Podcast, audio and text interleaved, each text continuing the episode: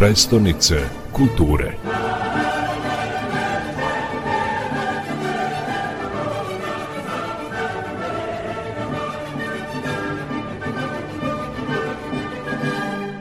U godini titule nacionalne predstavnice kulture Sonjin e, septembar doživeo je specijalno izdanje. Po čemu se ono izdvojilo u odnosu na prethodno? Počeli smo da realizujemo manifestaciju u bijelnom modu, dakle, prošle godine smo primetili tu činjenicu da će nam se preklopiti dve značajne manifestacije. E, Bijenalno se naime već 60 godina unazad održava memorijal Nadežde Petrović kao najznačajnija manifestacija umetničke galerije Nadežde Petrović.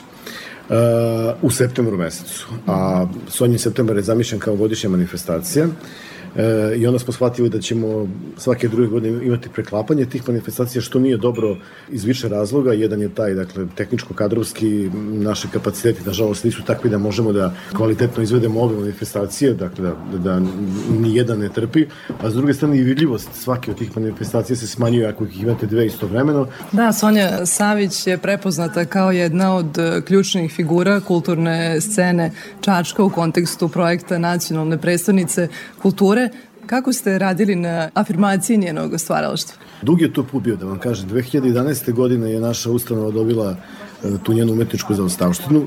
Pritom mislim na deo koji se odnosi na njen autorski rad u, u domenu alternativnog i eksperimentnog filma i videa, dakle ne onaj deo koji se odnosi na njenu glumačku karijeru koji je e, već jedan deo mainstream kulture e, u kome maltene svi sve znaju, osim ovih najmlađih generacija, ali dakle ne to, nego Uh, mi se bavimo njenim radom od trenutka kada je svojevoljno napravila taj iskorak iz jedne udobne pozicije u nešto što se zove neizvesnost uh, alternativnog rada, dakle bez podrške zvaničnih institucija, bez podrške i mnogih svojih kolega, dakle to je jedan radikalan potez.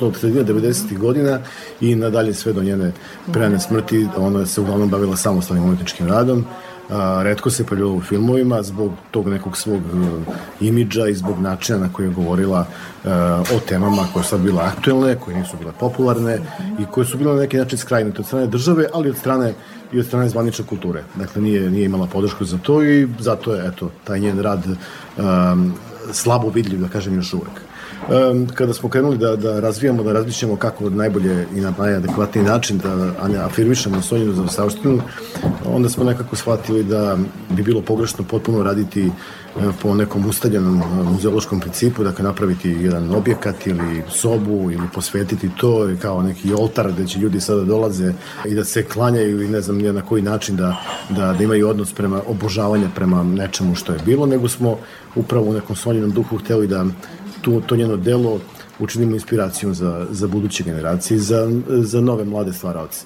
I tako smo, dakle, odlučili da pored tog jednog dela koji će neminovno biti posvećen e, uspomeni na njen rad, odlučili da tu njenu kuću i ceo njen rad stavimo u službu u, u nove umetničke produkcije. Dakle, da uh, afirmišemo taj njen stav, taj njen uh, umetnički angažovan, spremnost da se uh, u tome ostaje do kraja bez kompromisa i da onda takve autore pronalazimo da je, i da im omogućimo upravo ono što Sonje nije bilo omogućeno za života. Hvala najlepše. Hvala vam.